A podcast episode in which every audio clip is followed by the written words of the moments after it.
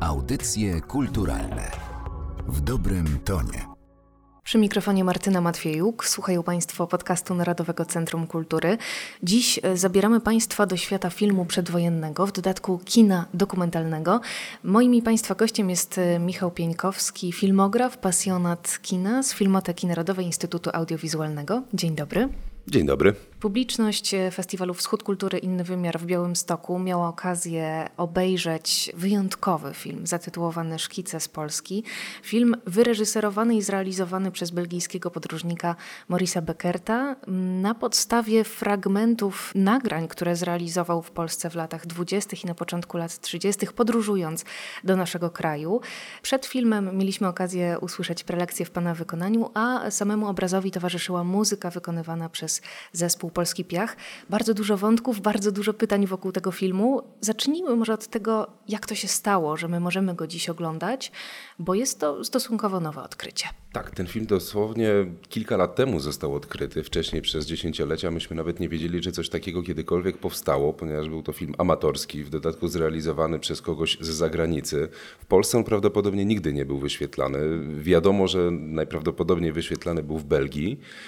No a u nas nie był znany i dopiero kilka lat temu właśnie w Królewskim Archiwum Filmowym w Belgii został odnaleziony przez jedną z naszych koleżanek, sprowadzony do Polski, no i okazało się, że taki właśnie skarb i taka perełka dopiero dzisiaj po tylu latach mogła ujrzeć światło dzienne. I bardzo się z tego cieszymy, bo to jest film naprawdę niezwykły pokazujący właściwie całą Polskę lat międzywojennych. Wspomniała Pani, że ten film został wyreżyserowany przez Morisa Beckerta. Wydaje mi się, że to nie do końca jest dobre określenie, dlatego że ten film właściwie nie jest wyreżyserowany. To jest zestaw e, widoków po prostu z różnych e, miejsc, z różnych zakątków Polski, z różnych miast, miasteczek, wsi, lasów, rezerwatów, e, które Morris Beckert odwiedzał. Natomiast ten film sprawia wrażenie, że on nie jest taką spójną całością. To są właśnie takie wyrwane fragmenty tych jego podróży. Dodatkowo one nie do końca są chronologicznie poukładane. Podczas prac nad tym filmem mieliśmy nawet e, taki pomysł, żeby uporządkować cały ten materiał, ale stwierdziliśmy, że jednak to nie będzie dobre wyjście, dlatego że w takiej postaci, w jakiej ten film obecnie się znajduje, czyli no jest to taki troszeczkę miszmasz, on ma bardzo dużo uroku.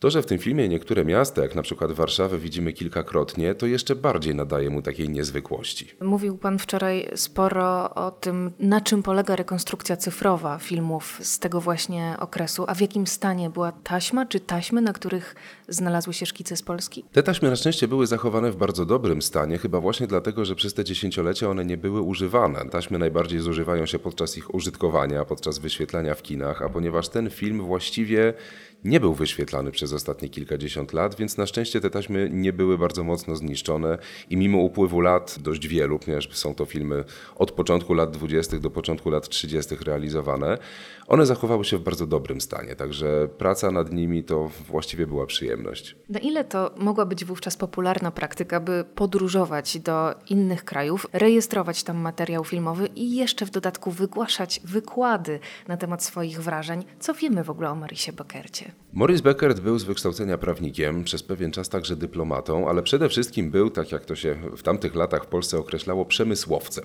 czyli po dzisiejszemu biznesmenem. I to, że on tak często podróżował po Europie i że kilkakrotnie znalazł się w Polsce, to wynikało właśnie z tego, że odbywał podróże służbowe, podróże biznesowe i w interesach przyjeżdżał do Polski. No a że do tego był jeszcze zapalonym kinomanem i no, kręcił filmy amatorskie, bo po prostu no, takie miał hobby.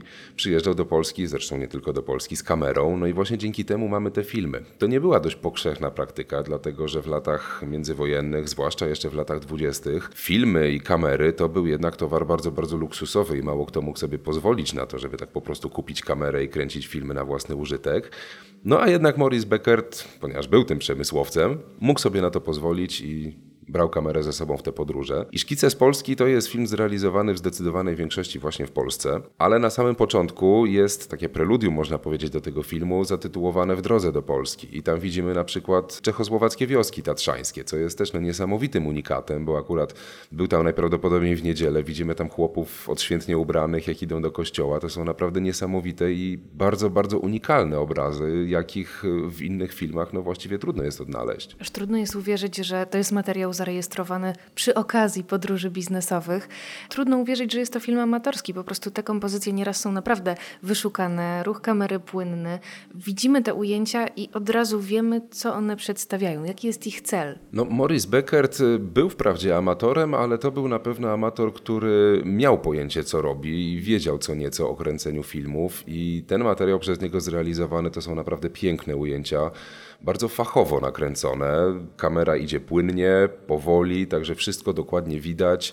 Kompozycje tych kadrów są też bardzo, bardzo interesujące, więc ten film jest po prostu piękny. Kiedy to się dzisiaj ogląda, to jest naprawdę wspaniała, nostalgiczna podróż do lat dwudziestych. Duża wartość e, tego filmu, nie tylko myślę dla miłośników kina, ale także wartość historyczna. Pewne rzeczy się co prawda nie zmieniły, flisacy dalej pływają po Dunajcu, ale w tym filmie zobaczymy wiele obiektów, które dzisiaj już e, nie istnieją. I to, co chyba jest najciekawsze, to że one stanowią tło dla życia ludzi tamtego czasu. To znaczy nie widzimy ich jak zazwyczaj w postaci rycin, zdjęć, tylko rzeczywiście one są fragmentami tamtejszej rzeczywistości. I nie myślę tutaj tylko o Warszawie, której poświęcono w tym filmie całkiem sporo miejsca, ale także choćby o Gdyni, świeżo budującej się. Właśnie to jest też niesamowite w tym filmie, że tutaj Maurice Beckert bardzo dużo podróżował po Polsce i mamy tu zarejestrowane bardzo różne i bardzo wiele różnych zakątków miast, miasteczek, wsi.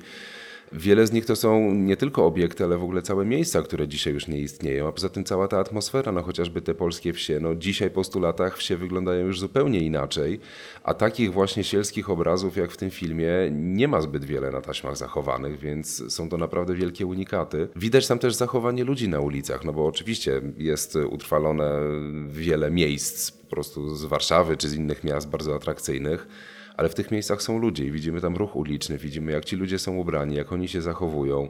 Bardzo fajne jest to, że w większości tych ujęć widać jak grupa dzieciaków biegnie za nim po prostu i pozuje przed tą kamerą. W dużych miastach prawdopodobnie dzieci mogły już wiedzieć co to jest kamera, ale tam na wsiach no widać, że one patrzą z zainteresowaniem, bo nie mają pojęcia co się tak naprawdę dzieje i o co chodzi, co ten pan trzyma w rękach i co on z tym wyrabia. No to jest też taki znak czasów pokazujący zachowanie ludności, której już dawno, dawno nie ma. A co dla pana było takim największym odkryciem, jakąś ciekawostką, może jakimś detalem, który możemy dojrzeć w tym filmie? Przede wszystkim to, że są tam zarejestrowane takie miasta, których nie ma na żadnych innych filmach. O ile Warszawa była miejscem bardzo medialnym, bo właściwie cały przemysł filmowy i cała kinematografia ulokowana była właśnie w Warszawie i większość filmów realizowana była właśnie tu, to inne miasta na filmach pojawiały się bardzo, bardzo rzadko. Toruń pojawił się tylko w jednym przedwojennym filmie fabularnym, a tutaj mamy bardzo ciekawe zdjęcia z Torunia. Łowicz również nieczęsto pojawiał się na filmach, a tutaj mamy bardzo piękne ujęcia z Łowicza i wiele innych miast takich, których po prostu w innych filmach nie ma. Także ten film Morisa Beckerta jest naprawdę wielkim unikatem i wielkim skarbem, także dla tych małych lokalnych e, społeczności. Mówił Pan o tym zachowaniu ludzi, które możemy w tym filmie obejrzeć. Dla mnie niezwykłą ciekawostką było to, jak płynnie chodnik zmienia się w ulicę i odwrotnie, jak ten ruch drogowy tak naprawdę nie jest w żaden sposób e, określony. Pomówmy jeszcze o roli ilustracji muzycznej, która od początku towarzyszyła kinu niememu.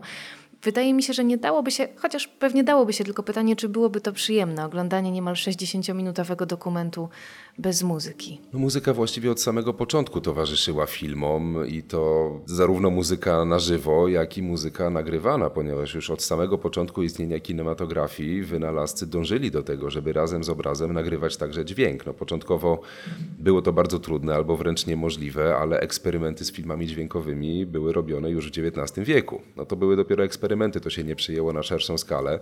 Tak więc najczęściej filmy były ilustrowane muzycznie po prostu przez muzyków, którzy grali na żywo. Rzeczywiście oglądanie filmów e, w zupełnej ciszy byłoby bardzo uciążliwe, tym bardziej, że filmów w kinie na ogół nie oglądało się w ciszy. Dzisiaj jest jednak zupełnie inna kultura zachowania się w kinie, ale te 100 lat temu w kinie było bardzo głośno. Ludzie się bawili, komentowali, rozmawiali, palili papierosy, jedli różne rzeczy, także w kinach niejednokrotnie panował straszny harmider.